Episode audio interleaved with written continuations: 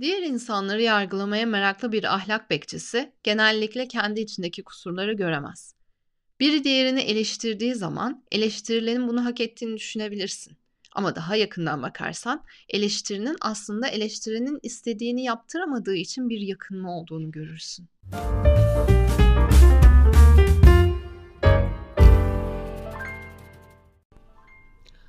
Merhabalar bu Evren Bu Beyin'den. Bugün de herkese selamlar olsun. Ben Çağla. Bu bölümde konuşacağımız güzel şeyler var bence. Haftalar öncesinde söylemiştim. The Devil Judge diye bir tane dizi izlediğimi ve bunun hakkında konuşmak istediğimi. İnsanların cezalandırılma şekilleri konusunda, hukuk felsefesi, ahlak konusunda. Aslında bugün sadece bazı olasılıklara bakacağız ve dizi üzerinden bunlarla ilgili konuşacağız. Diziyi öncelikle birazcık tabii ki e, anlatmam, açıklamam gerekiyor. Bu yüzden spoiler içeriyor. Eğer dersiniz ki ben Uzak Doğu Kore dizilerini seviyorum ya da böyle hukuki şeyleri seviyorum, izlerim. O zaman önce izleyin sonra tekrar geri dönerseniz çok sevinirim. Ama geri dönmeyi unutmayın. Sabah uyandığımda e, YouTube'da 81 tane takipçi vardı. Aa çok mutlu oldum. İki tane daha gelmiş dedim. Ve az önce baktığımda yine 79'du. o yüzden takip ederseniz çok sevinirim. Gelin şöyle bir üstünden geçelim. Şimdi dizide bir tane çok popüler bir hakimimiz var. Bu hakimimiz ilk defa ülkede şöyle bir şey yapıyorlar. Bir e, açık mahkeme. Halka açık mahkeme. Bu ne demek? Halkın gelip izleyebileceği ya da işte televizyonda yayınlanan mahkeme değil. Bunu zaten örneklerini Avustralya'da, Amerika'da, İngiltere'de görüyoruz. Fakat bu sefer olan halk gerçekten de katılımcı da olabilecek. Ve kararda da e, cezanın sonucunda mahkumiyet kararında da söz sahibi olacak. Nasıl yapıyorlar bunu? Bir tane uygulama yapmışlar. Mahkeme devam ederken suçlu mu değil mi diye oradan oy veriyorsunuz tıklayarak. Günümüze çok uygun aslında öyle değil mi? Tıklayarak bir şeylere oy vermek. Ve bunun sonucunda da e, suçlu mu değil mi diye karar veriyor insanlar. Elbette ki nihai ceza kararını hakim veriyor. Fakat genelde orantılı şekilde gidiyor mu acaba? Şimdi üç tane case üzerinden, üç tane dava üzerinden diyelim. Dizinin ilk kısmında yani ilk işte 10 bölümlük falan kısmında geçen. Ee, onlardan bahsedelim ve böyle case case gidelim, dava dava gidelim ki her bir davayı biraz daha açalım ve onun hakkında konuşalım. Öncelikle ben uluslararası ilişkiler okurken yaklaşık 4-5 tane sanırım hukuk dersi alıyorsunuz. Ben seçmeli de almıştım galiba da 3 tanesi zorunlu onu iyi hatırlıyorum. İşte hukuka giriş dersi, anayasa dersi, uluslararası hukuk dersi tabii ki. Ben ceza hukuku da almıştım seçmeli olarak. Dolayısıyla hani az buçuk neye benzer bir fikrim var fakat elbette ki ana dalım değil. Şimdi bununla birlikte eski kitaplarıma şöyle bir göz attım ee, ve ceza kanununda cezanın uygulanması için cezanın ne olduğu, hangi şartlarda uygulanacağı ve cezanın amacının ne olduğuna dair bazı e, şeyler var tabii ki. Maddeler var ya da tartışmalar var bir açıdan da. Şimdi bugün biz pozitif hukuk yapmaya çalışıyoruz. Hani e, mümkün olduğunca her şeyi operasyonel olarak tanımlayıp çok böyle e, temel şeyler için yoruma ihtiyaç bırakmayan bir hukuk yapmaya çalışıyoruz aslında ama şimdi olay insan olunca ve insan davranışı olunca elbette ki böyle herkes için genel geçer bir şey olmaya biliyor. Dolayısıyla da bu birazcık hakimin takdirine ya da işte yasadaki boşluklara, emsal kararlara falan kalmış oluyor. Şimdi gelelim e, ceza hukukunda ne tür bir ceza verileceği ve bu cezanın da şiddetinin ne olacağı e, önemli. Kanunsuz ceza olmaz diye ta işte e, Romalılardan kalma biliyorsunuz Roma hukuku çok e, önemlidir ve bugünkü modern hukukunda temellerinin atıldığı yerdir. Kanunsuz ceza olmaz diye bir şey var. Yani yazılı olan yani günümüz için tabii yazılı olan kanun dışında kafanıza göre ceza uyduramazsınız her şey için.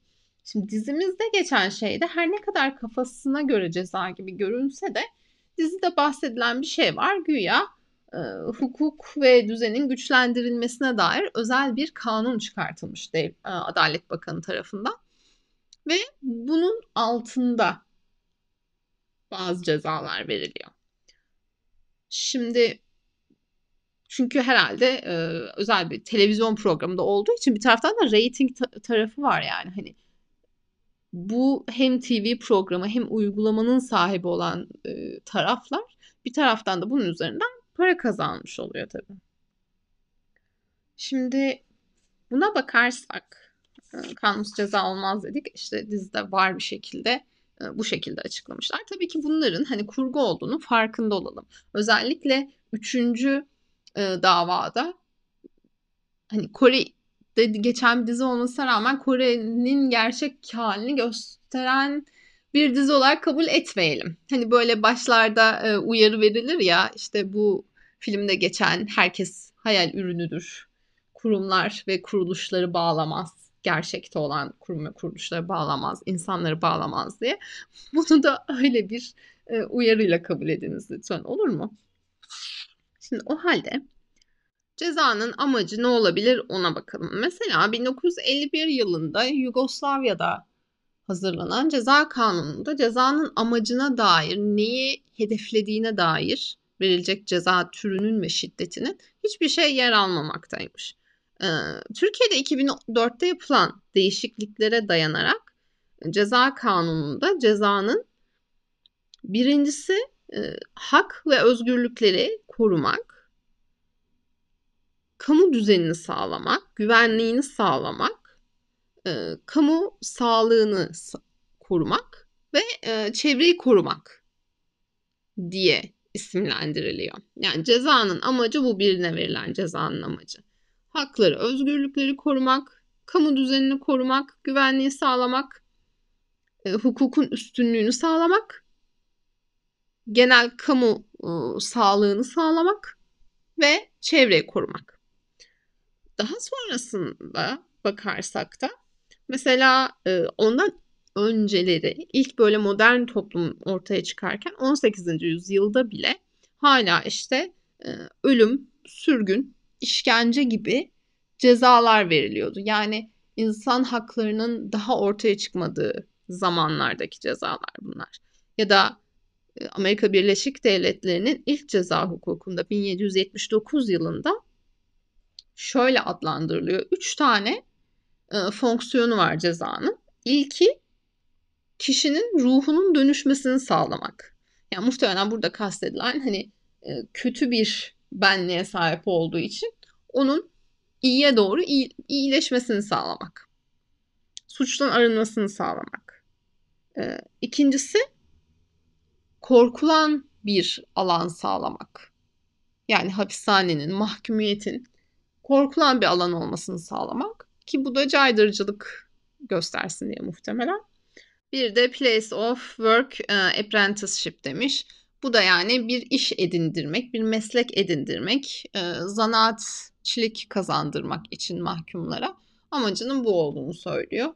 Yani artık kürek mahkumu değilsiniz. Hayatınızın geri kalanında hapishaneden çıktıktan sonra da yapabileceğiniz bir iş var. Sizi suçtan uzak tutacak demek istiyor. Ve bugünün hukukuna baktığımızda ise modern hukukta ise iki tane temel gaye var. Bir tanesine kişinin gelecek suçları işlemesini engellemek. Yani birey düzeyinde o kişinin bir daha suç işlemesini engellemek.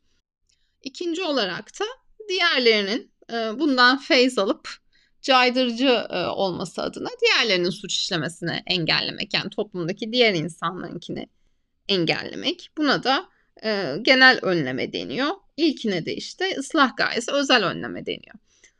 Şimdi böyle baktığımızda sadece direkt metotları değil bu cezanın amacı. Bir de indirekt olan yani dolaylı yoldan bazı şeyler yapılabilir. Mesela nasıl metotlar olabilir bu dolaylı metotlar? İşte caydırıcılığı yükseltmek için mesela aydınlatma koymak karanlık yollara.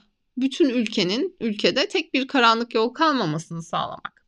Ya da bütün ülkeyi kameralarla donat, donatmak. Bütün e, her tarafa işte hırsızlık karşıtı alarmlar taktırmak, işsizliği önlemek, e, eğitime ulaşılabilirliği arttırmak, imkanlarını arttırmak gibi şeyler. Yani toplum genel olarak da suçtan uzak tutacak önlemler birey bazında değil e, toplum bazında bu şekilde ele alınabilir diyor. Şimdi gelelim bizim dizimizdeki bunları bir hatırladıktan sonra hani neden verilebilir ceza? Cezanın amacı nedir? Farklı toplumlarda, farklı tarihlerde ne olmuştur? Şöyle kısa bir birkaç tanesine değindik. Şimdi de gelelim dizimize. Asıl keyifli bölümü bu. O yüzden heyecanla geçiyorum efendim. Şimdi ilk vakamızda suçlu Adalet Bakanı'nın bakanının oğlu. Adalet Bakanı kadın, e, suçlu da onun oğlu. Ve böyle bir şirketi var kendisine ait. E, işte zengin, çok varlıklı. Adalet Bakanı da öyle zaten. Bunun daha neresi adalet dediğinizi duyar gibiyim bazılarınızın. Ve adam gerçekten pisliğin teki. Yani burada başka bir e, kelimeyi sansürleyerek kullanmak istemiyorum. Herkese kötü davranıyor. Hizmet aldığı her alandaki insana kötü davranıyor. İşte garsonuna kötü davranıyor. Valesine kötü davranıyor. Herkese yani. İşte tartaklıyor, dövüyor. Hatta işte kendi kendine şeyde hız yapıyor. Yolda hız yapıyor ana caddede. Sonra işte birilerine çarpıyor. Yolda kenardan geçin durup dururken dövüyor filan. Böyle birisi yani. Ee, sosyopatik eğilimleri olan, antisosyal kişilik özellikleri olan birisi. Ve bunun tabii yaptığı şeyler insanlar şikayet etse devamlı annesi tarafından örtülüyor. Bir şekilde geçiştiriliyor. Davalar kapatılıyor. İşte savcılar tehdit ediliyor bir şekilde hiçbir ceza almadan dümdüz gelmiş bugünlere kadar. Bizim başroldeki hakimimiz ise ne yapıyor? Bu gözüne takılıyor elbette. Ama bunun gözüne takılmasının sebebi onun da Adalet Bakanı farklı işleri var. Bu yüzden Adalet Bakanı'na bir zarar vermek istiyor. Hani dizinin alt kontekstinde bu var. Ama biz şimdi üstüne üstünden bakalım sadece. Merak edenler tekrar diyorum ki izlesinler. Ve görüyor ki hani ne delil toplarsa toplasın bunlar yok ediliyor etraftan. Yani kendisi toplamıyor da işte hani ne delil olursa olsun etrafta bunlar yok ediliyor. Kendisi takip etmeye başlıyor. Bu hareketlerini gördükten sonra önce çocuğun kendisini tehdit ediyor. Yani tehdit ediyor derken kendisini devam bir yerlerde gösteriyor ki o tam böyle suçüstü yakalanıyor. İşte birilerine şiddet uygularken, birilerini tartaklarken filan. Çocuk belli huzursuz yani devamlı adam izliyor biliyor da hakim olduğunu ünlü bir hakim çünkü işte canlı yayında e, mahkemeye de çıkardığı için herkese tanıyor yani. Ve bir şekilde bazı işte deliller buluyor, bir düzenek hazırlıyor. Öyle ya da böyle kendi karşısına gelmesini sağlıyor. Yani artık sadece o kadar çok delil ve şey çıkıyor ki ortaya. Saklayamıyorlar bir şekilde. Ama işte nasıl olsa birazcık tazminat öder, çıkar, suçsuz bulunur diye düşünüyorlar. Yayın başlıyor. Canlı yayında insanlar da izliyor. Bu sırada da işte e, hem savcılık hem de savunma tarafı kendi argümanlarını e, hakime sunarken herkes de bir taraftan da oy veriyor. E, sonucu beklemeniz gerekmiyor yani. Oy veriyorsunuz ama en son sonuç nerede kalırsa orada halk kararını vermiş sayılıyor. Ve e, oradaki şeyde bir tane aleyhine tanıklık edecek bir tanık. Tek tanık. Tanık olmayı kabul eden tek insan yani. Tam geliyor mahkemeye ve ben geri çekiyorum şikayetimi diyor. Ama daha önce 12 kez e, dilekçe vermişsiniz şikayetçi olduğunuza dair. Neden şimdi çekiyorsunuz diyor belli ki bir şey var diye zaten kuş kullanıyorsun. Gerçekten de adamın çalıştığı böyle mahalle lokantası gibi küçük bir yer var. Oyunun binasını satın almış ve bunları dışarı atmaya çalışıyor. Böyle yaşlı bir e, teyzeyle çalışıyor adam falan da. E tabi bunu yapmasın diye şikayetini geri çekmiş. Zaten şey de diyor ki e, avukat da bir kere yaptığı için bunu şikayeti geri çektiğine göre herhangi bir suç unsuru kalmadı. Savcılık düşürmeli bu suçlamayı diyor. Hakim tabii ki hazırlıklı o sırada. Evet diyor bir kere yapsa olurdu ama mükerrer suçsa kimse şikayetçi olmasa bile hala e, bu sefer kamu davası açılır. Nasıl yani mükerrer suç falan diyor işte avukatı. E, davalı da bir şey oluyor. Korkuyor falan. Gelin diyor bakalım. O sırada işte bu insanların oy verdiği e, uygulama var ya onun üzerinden bir yayın açılıyor. Yayına bağlanmak isteyenler oluyor. Bir tane kız bağlanıyor. İşte ben şu şu yerde çalışıyordum. Ee, oraya geldi. Tır, şeyde otoparkta çok kalabalık olduğunu söyledi. İşte kavga çıkardı. Çalışanlardan bir tanesini dövdü. Benim de saçımdan sürükledi falan filan. İşte şikayetçiyim cezalandırılmasını istiyorum. Savcı da diyor ki böyle şey olmaz diyor böyle hani e, bana gelip bildirmesi lazım bunu. Böyle canlı yayında olmaz hakim bey falan diyor. Savcı da tabii ki e, onun yerini tutuyor. Hani diyeceksiniz ki savcı neden kendi suçladığı insanın tarafını tutuyor? İşte Adalet Bakanı sebebiyle dediğim gibi. Gelir misin diyor hakim de kıza. Bunları hani bildirmek için resmi olarak tabii ki gelirim diyor. İfade ver, vermeye. Sonra kız aradıktan sonra ama kızın araması da biraz zaman alıyor. Yani ilk böyle bir 5 dakika falan bekliyorlar. Hani e, aramak isteyen varsa arasın diyor. Çünkü daha önce 15 kere falan bazı böyle suçlar olmuş. Hepsi geri çekmiş ifadelerini adama karşı. Hepsi caymış. Muhtemelen yine tehdit edildiler, yine para verildi, bir şey oldu. O yüzden yola çıkarak hakim bunun mükerrer suç olduğuna karar verdi ama şimdi tanık bulunması gerekiyordu ve uygulama üzerinden herkese çağrıda bulundu. İşte ilk kızın aramasına kadar olan zamanda biraz zaman geçti. Kız aradıktan sonra ise patır patır herkes dökülmeye başladı. Bana şöyle vurdu, beni böyle tehdit etti, onun yüzünden işimi kaybettim. İşte e, hatta evsiz bir adamcağız vardı, onu bile dövmüştü Adam bütün toplamış herkesi tanıdığı mahallesindeki herkese ona karşı protesto yapıyordu. Ceza alsın diye. Sonra e, bu sırada tabii hani Adalet Bakanı da uğraşıyor yine. E, hakimi cezbedebilecek şeyler falan öneriyor. Bunları tabii ki e, kabul etmiyor hakim. Geri çeviriyor hepsini. Sonra şey yapıyorlar en son. Tamam o zaman Bakıyor durum kötü. Avukat diyor ki özrünü bildirsin. Üzgün olduğunu söylesin. Ve zaten e, bu şimdi hapse atsanız bunu devletin parasıyla yaşayacak orada. İnsanların vergi verdiği parayla bunu besleyecek misiniz hakim bey diyor bu sefer. Ama zaten zengin birisi benim müvekkilim. Siz onu besleyeceğinize müvekkilim e, mağdurlara, kurbanlara tazminat ödesin. Yüklü yüklü ödesin bunları. Yüklü yüklü ödesin. Herkes mutlu olsun. Hakim de diyor ki tabi zaman geçiyor işte artık ara veriyorlar falan sonra karar verilecek. Sizin sayenizde diyor aklıma çok iyi bir şey geldi diyor. Gerçekten de haklısınız diyor. Böyle kısacık sürede hmm, olmuş suçlar bunlar zaten diyor. Evet işte birisine vurmuş, birisine bağırmış 5 dakikada herkese 5 dakika 5 dakika eziyet etmiş. O ayrı ama hani kısa süren şey suçlar. Böyle 20 yıl yatmasına falan gerek yok diyor. Doğru söylüyorsunuz diyor. Beslenmez 20 yıl diyor. E peki ne yapacağız? Tazminat ödemesi de iyi fikir diyor. Evet zaten varlıklı birisi sosyal toplumda e, adalet sağlanmalı diyor. Haklısınız diyor. E o zaman e tamam o zaman tazminatı ödeyecek. Bir de en kısa ve en insani olarak 30 tane kırbaç yiyecek diyor. Herkes şaşırıyor. Ne kırbacı yahu diyor.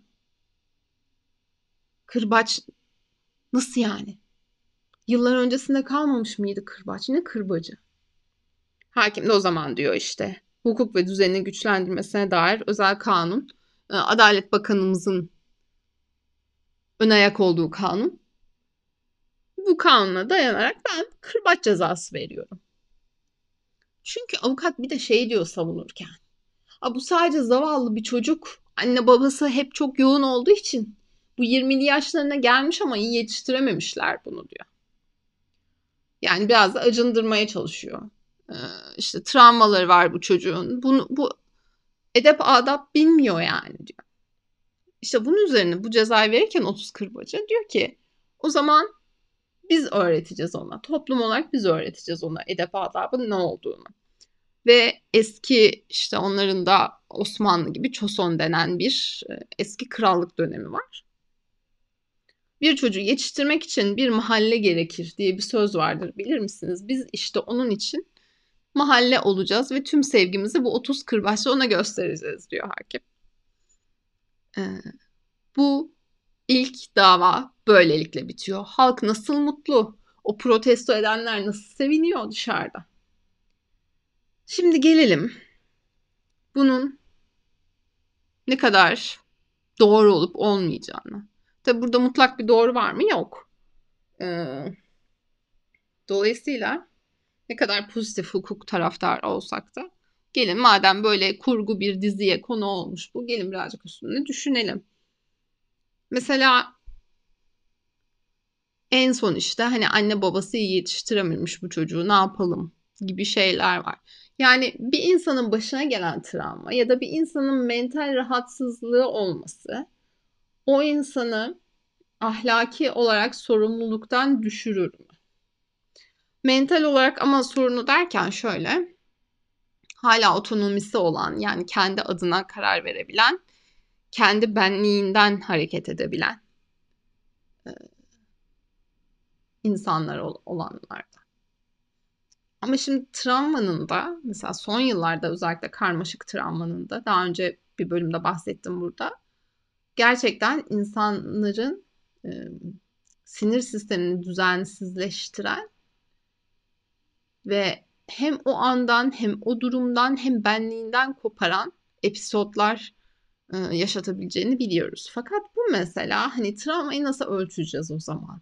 Kimin travması neye göre kime göre olacak? Şimdi bu konuda hala evet. Hani bunu eğer hukuk gibi bir alana taşıyacaksak bu olayı bu çok iyi araştırılması gereken bir şey ama ben şahsen hiçbir zaman böyle bir derecelendirme yapılabileceğini zannetmiyorum. Zor yani. Hani bazı testler tabii ki geliştirebiliriz. Ama yine bu da sadece davranışsal boyutta değil çünkü travmanın izleri. Hem somatik bedende yer alıyor. Hem kişiliği etkiliyor. Dolayısıyla biz buna karar veremeyiz. Hani antisosyal kişilik olanların da travmatik öyküleri olabiliyor. Ee, psikopatlar ayrı bir mesele. Onlarınki genelde doğuştan, genetik, düzeltilemez. Ve herhangi bir travma öyküsüne de ihtiyaçları yok. Burada mesela bunu aslında e, düşünmek önemli ve şey de hani insanın vergileriyle mi besleyeceksiniz bunları? Diyor ya. Gerçekten de öyle mi besliyoruz peki? Geçenlerde şey vardı bir tane video. Ee, sizce bu Avrupa'da bir e, hapishane mi? Yoksa Londra'da kiralık bir ev mi diye bir seri yapıyor bir e, Instagram'daki influencer.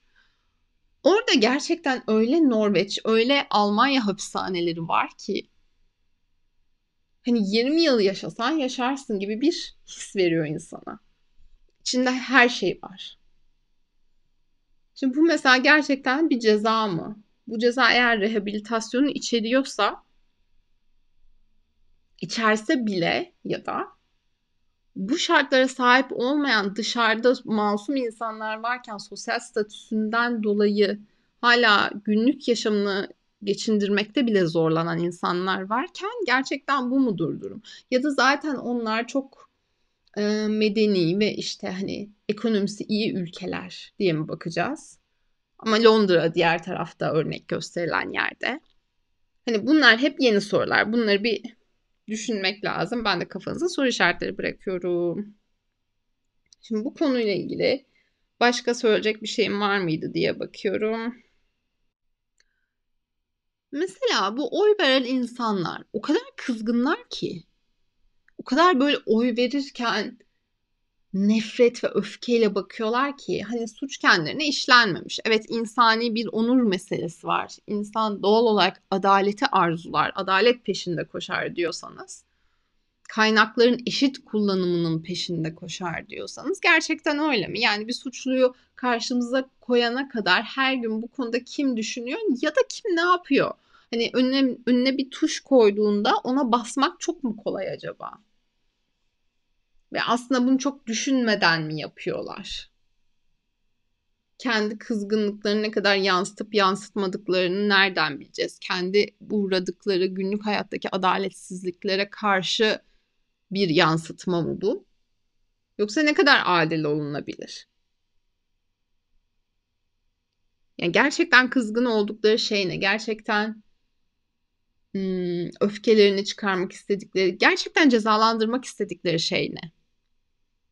Oradaki tek bir insanın çok kaba, çok pislik bir insanın e, ceza alması mı oradaki mesele? Yoksa zaten özel bir statüsü olan, konumu olan, sosyoekonomik olarak da e, zengin bir kesimde bulunan kişi olduğu için o bütün sınıftan mı bir şekilde adalet bekliyorlar? Yani o sınıftan mı çıkartıyorlar hırslarını? Peki asıl kızdıkları ne? Asıl kızdıkları mesela onun öyle gerçekten pislik gibi davranması mı? Ya da buna cesaret edebilecek gücü olması mı? Yani şöyle düşünün mesela. Zaten zar zor geçiniyorsunuz. Askeri ücretle çalışıyorsunuz. En, en ufak bir şey yapsanız yani değil mi? Girdiğiniz bir yerde bir şey yapsanız. Bir amirinize bir ters hayır deseniz. işinizi kaybetme riskiyle karşı karşıya kalırsınız. Ve böyle bir lüksünüz yok. İşçi sınıfıysanız. Ya da işte sosyal hiyerarşinin alt kesimlerindeyseniz. Acaba kızgın oldukları bu olabilir mi? Onun içinden geldiği gibi davranabilmesi, kızgınlığını her platformda gösterebilmesi ve manyan teki bile olsa, tırnak içinde söylüyorum, manyan teki bile olsa her şeyden yırtacak ya da yırtacağını düşünecek cesareti olması. Aslında yırtıp yırtmaması değil. Mesela bu konumda yırtamadı, kırbacı yedi. Ama mesela bundan yırtabileceğini düşünüyor. Önceki 15 kere de olduğu gibi. Ya da aslında yüzlerce insan arada bağlandı. Bana da yaptı, bana da yaptı diye. Hani o ayrıcalığa erişme isteği olabilir mi? Yani temelde her insan aslında agresif, yıkıcı olabilir. Ama sadece bazılarının bunu göstermeye hakkı vardır. Zaten aslında bütün olay değil mi tarihe de baktığımızda? Bazı baskı kuranlar var, opresörler var. Tıpkı e, kolonizerler gibi. Ya da tıpkı e, patriarkayı patriarkada avantaj sağlayanlar gibi. Ve onların bazı özel durumlarda ayrıcalıkları var. Diğerlerinde olmayan ayrıcalıklar. Ve düşünün hem azınlıksınız hem e, kolonize edilmiş bir yerde azınlıksınız. Hem kadınsınız. Hem ekonomik durumunuz kötü. Ve mesela biz bu insanlara daha sonra en ufak bir agresyon gösterdiklerinde ya da işte en ufak bir üzüntü, çöküntü gösterdiklerinde mental hastalık etiketlerini yapıştırıp geçiyoruz. Neden? Çünkü maalesef psikoloji her ne kadar son zamanlarda bunun e, diğer taraflardan bakılmaya çalışsa, tersine döndürülmeye çalışsa da onlarca yıl hatta yüz yıl boyunca hep e, beyaz ve erkek odaklı kalmış durumda. Dolayısıyla bizim bütün bilimsel dediğimiz verilerin sonuçları da onlara yönelik. Hatta IQ testleri planlanırken, ölçüm araçları olarak denetlenirken beyazlar çoğunlukta olmak üzere bir eşik ve bir e, ölçüm belirlendiği için ve yıllarca IQ seviyesindeki farklılıkların mesela siyahilerin ya da Hispaniklerin ırksal olarak geri zekalılığına yormuş bir dünya vardı. Ve hala var. Hala insanlar bunu yapıyor. Mesela bir deney vardı. Bir fotoğraf e, gösteriyorlar. Fotoğrafta bir tanesi siyahi bir insan var. Diğerinde beyaz bir insan var. Ve böyle şey eli cebinde, montunun cebinde. Ve montun cebinden bir çıkıntı oluyor o dış kısma doğru. Belirgin bir şekilde siyahi insanın cebinde bir silah var zannederken insanlar beyaz olanın sadece işte elinin o şekilde kıvrıldığını ve cebinden o şekilde yansıdığını düşünüyorlar. Ve bunun gibi onlarca yüzlerce araştırma var.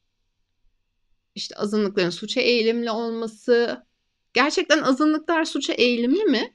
Yoksa sosyoekonomik olarak yaşamaları zor olduğu için imkan bulamadıkları için ya da aç kaldıkları, evsiz kaldıkları için mecburen mi bir şeyler yapıyorlar? Ee, ya da belki de bu diziyi izlerken işte aklıma geldi gerçekten de. Onların en ufak sağa doğru ters bakışı bile e, aslında aşırı mı algılanıyor? Ya da daha mı büyük tehdit algılanıyor? Elbette ki biliyorum hiç suçu olmadığı halde işte tutuklanırken hayatını kaybeden siyahiler var Amerika'da. Polislerin uyguladığı şiddet dolayısıyla tutuklama anında ya da hiç suçu yokken zaten tutuklamaya çalıştıklarında. Ama hani gerçekten de bizim algımızda problem de olabilir. Şimdi böyle bakınca işte gerçekten kim suçlu, kim kime kızıyor. Dolayısıyla işte o zengin kesme bakınca da bu sefer de bütün bir e, hayatlarındaki gördükleri baskılanmışlığın verdiği bir şeyle de yanıt veriyor olabilirler. Hani gerçekte böyle bir şey olursa işte ne kadar e, meşrulaştırılabilir bir uygulama üzerinden oy vermek onu düşünüyorum şu anda. Evet. Haydi geçelim ikinci davamıza. İkinci davamız biraz daha farklı. Ama yine ayrıcalıklı bir insan var suçlu koltuğunda. Bir oyuncu e, işte Kore için böyle bütün Asya'da filan popüler bir oyuncuymuş efendim. Bahsedilen kişi. Ee, ve bu kişi birçok cinsel suç işlemiş. Ee, 4-5 tane. Aa yok 11 miydi ya da? O kadar çok şey izliyorum kafam karıştı. Neyse baya bir yani e, kadına karşı suç işlemiş durumda. Ve böyle hani muğlak falan değil. Gayet açık. Bütün e, detaylar şeyler her şey açık yani. Ve bu e, kişi için işte avukatın savunması çok önemli bir insan olduğu, işte ülkenin kültürüne çok büyük katkı yaptığı, ülkenin dışında da onu, onu ülkeyi yani temsil ettiği gibi bazı savunmaları var. Ama insanların istediği şey ya da beklediği şey de adamın hadım edilmesi. Çünkü artık hani o kadar fazla kadına tacizde ve başka şeylerde bulunmuş ki herkes yine öfke dolu oy verenler. Ve adamı suçlu buluyorlar sonunda. Ama işte hadım da olmaz ne yapacağız falan deniyor. Bir de tabii hani dedim ya dizinin bir de alt tabakası var, alt planı var daha doğrusu. O plan doğrultusunda da işte hakime yine bazı e, güçler, politik güçler diyelim ki şey diyorlar. E, hani az ceza ver gibisinden söylüyorlar. Sadece hapis cezası ver buna falan diyorlar. Korumaya çalışan insanlar var yani onda. Neyse adam zaten suçlu bulunuyor yani.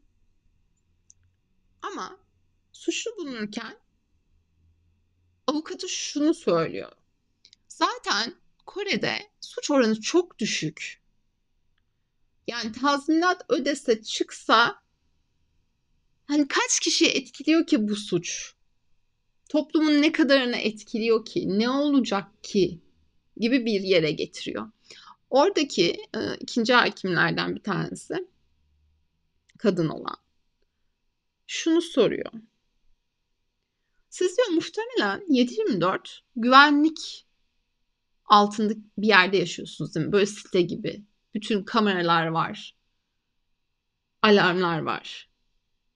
5 saniyede polis kapınızda olur. Herhangi bir alarm çalsa değil mi diyor. Avukat da evet ama konumuzla alakası ne diyor? Siz kurbanlarla aynı ülkede yaşadığınızı zannediyorsunuz. Ama aynı ülkede yaşamıyoruz biz diyor.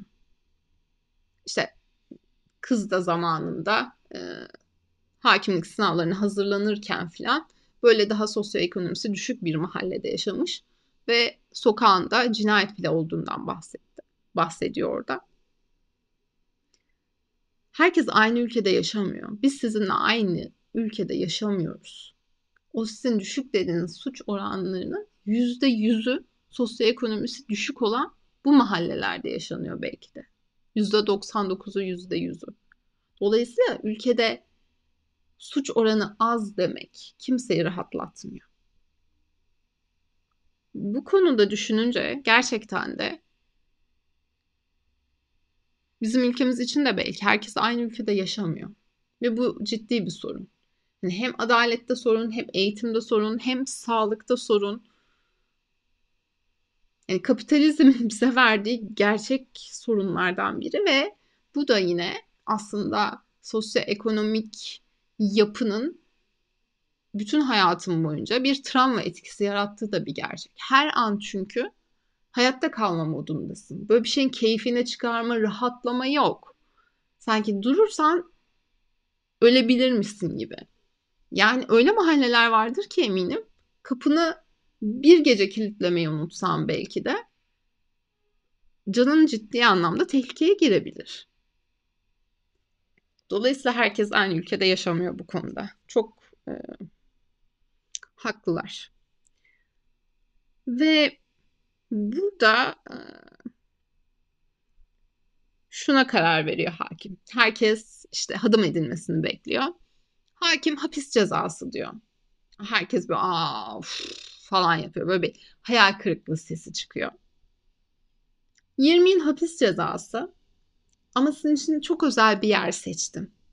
Cinsel suçluların rehabilitasyonundan sorumlu olan çok özel bir hapishaneye göndereceğim sizi diyor. Ve o sırada bir e, ekran açılıyor. Texas Eyalet Hapishanesi ve cinsel suçluların yer aldığı bir hapishanede 20 yıl boyunca yatması kararlaştırılıyor. Gelen videoda e, hapishanedeki mahkumlar yeni suçlumuza diyeyim e, sevgilerini gönderiyorlar. Seni dört gözle burada bekliyoruz canım diyorlar. Bu konu hakkında içimden bir ses evet yani bir kadın olarak da oh olmuş diyesim geldi. Ama siz ne yapardınız? Haklı buluyor musunuz bunu? Bu daha mı iyi? Adım edilmesindense. Yani kısasa kısas mı bu? Yorumlarda yazarsanız çok sevinirim. Eğer YouTube'dan dinliyorsanız. Gelelim sonuncu davamıza. Sonuncu davamız bir devrimci tarafından geliyor. Kendisinin devrimci olduğunu söyleyen ve ülkedeki yabancıları yani yasa dışı sığınmacıları sevmeyen. Bu bir dizi bu arada bir Kore dizisi. Kore dizisinin hayal ürünü bir hikayesi. Ondan bahsediyorum. Ortadan girenler için. Ülkede yaşayan yabancıları ülkeden çıkarmak istiyor. İşlerimizi çalıyor, kadınlarımızı çalıyor bu filan diye ve böyle sopaları alıp gidip sokak ortasını dövüyorlar bu yasa dışı çalışanları. Ama orada tabii ki şu var. Birincisi o insanlar kimin işini çalıyor diye soruyor yine kadın hakim. Senin yapmadığın işleri olabilir mi? Şimdi bu durumda birincisi evet nispeten haklı. Özellikle de Kore gibi hani üniversite mezunu e, yüzdenin yüzde doksanların üstünde olduğu bir ülke için bu konuda bir haklılık payı olabilir. Herkes beyaz yaka kalifiyesinde çünkü. Ve bunun dışında e, şunu düşündüm ben. Hani o işi ona verenler var. Ve bunlar ülkede çalışan kendi hani yurttaş, yurttaşım, benim yurttaşım, vatandaşım diyor adam anlatırken sözde devrimci. Benim yurttaşım, vatandaşım zorluk çekiyor diyor. Senin yurttaşın, vatandaşın o insana iş veriyor ucuza çalıştırmak için, sigorta yapmamak için, başına bir şey gelirse hesap vermemek için, üstünü kapatmak için. Ama kimse gidip de komşusuna sen niye buna iş veriyorsun ucuza, sen niye vergi kaçırıyorsun demiyor. Bu yüzden de hani direkt böyle hedef gösterilen zaten dizide de bir işte başbakan var. Başbakan tarafından hedef gösteriliyor bu insanlar ve bu devrimci diye nitelendiren insanlar da ondan aldıkları işte silah, güç, istihbaratla bu insanları gidip bulup şiddet uyguluyor, kaçırmaya çalışıyor falan filan. Hani orada yine işte dizinin alt metni dediğim başka bir konu devam ediyor orada. Onunla ilgili şeyler buradaki Power Dynamics'te. Şimdi bu konuda bir de şuraya varıyorlar. Şey yapmışlar bu kendini devrimci e, diye adlandırılan kişi şunu diyor. Yurttaşın haklı kızgınlıklarını görmezden mi geliyorsunuz hakim bey falan diyor. Kadın olan hakim şey diyor. Ne dedin sen diyor yurttaşın mı diyor. Evet diyor yurttaşım diyor. Kadınlarımızı diyor alıyorlar diyor. Kadın hakim de diyor ki sizin kadınlarınız mı? Kadınlar da bu ülkenin bir vatandaşı, bir yurttaşı. Farkındasın değil mi diyor. Dolayısıyla yurttaşın haklı kızgınlığı diye bir şey yok. Üstelik kadınlar alınıp verilebilecek bir eşya değil. Onlar da bağımsız birer vatandaş senin gibi diyor. Burada zaten başka bir şey, başka bir yorum eklemeyeceğim ben buna. Bunun sonucunda işte ne gibi ceza verelim diyor. Yine bu dış güçler hakime bu sonuca varmadan önce şey söylüyorlar işte. Yani bak burada başka olaylar dönüyor. Dedim ya işte başbakan kızıştırıyor güya dizide. Kore Başbakanı. Kore'nin başbakanı yok tabii başkanı var. Dolayısıyla hani hayal ürünü olduğunu tekrar söyleyeyim. İşte kışkırtıyor olduğu için hani fazla şey yapma. Bir, birkaç para cezası falan verirsin. Kapat üstünü bunun diyorlar. Hakim diyor ki evet diyor hapis cezası vermiyorum diyor. Ha, oylama yapılıyor tabii insanlar tekrar suçlu buluyor bunu. Yüzde kaç suçlu buluyordu hatırlamıyorum ama suçlu buluyor. Ben sana hapis cezası vermeyeceğim diyor. Ee, gerçekten de hani madem vatansever birisin vatanın içinde kalsan. Hani yurttaşlarınla yan yana kalsan. Ama sana elektronik bir kelepçe takacağım ve yerinde bu uygulama üzerinden herkese gösterilecek dakika dakika. Yani sen o mültecileri, sığınmacıları nasıl takip etmeye çalışıyorsan bir yerlerde bulup kıstırmak için seni de sevmeyenler seni bulup bir yerlerde kıstırmaya çalışacak demeye getiriyor. Burada sonuca varılmadan önce yani hüküm verilmeden önce şöyle şeyler ortaya atılıyor. İşte zannettiğiniz gibi böyle devrim falan yapacak bir insan değil bu.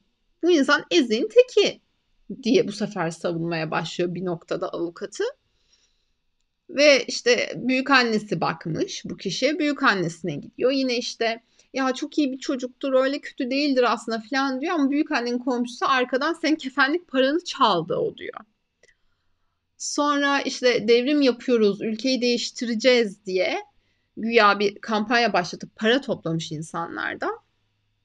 Ama şey diyor ki e, avukat yine. Ama o parayı devrim için falan kullanmadı. Yok canım vatan haini olur mu? Gelin bakın nerede kullandı parayı diyor.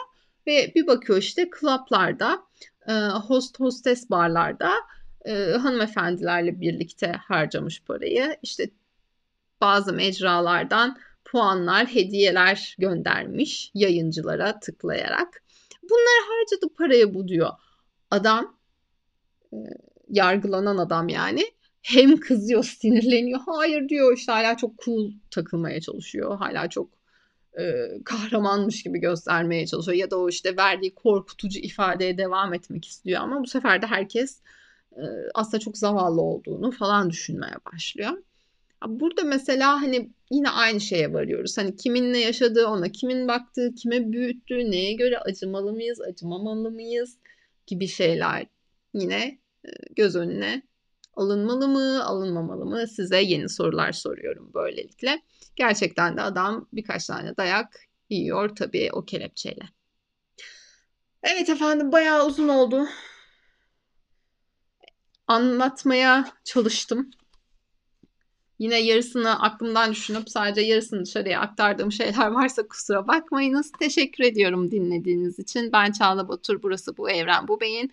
Abone olursanız çok sevinirim gerçekten.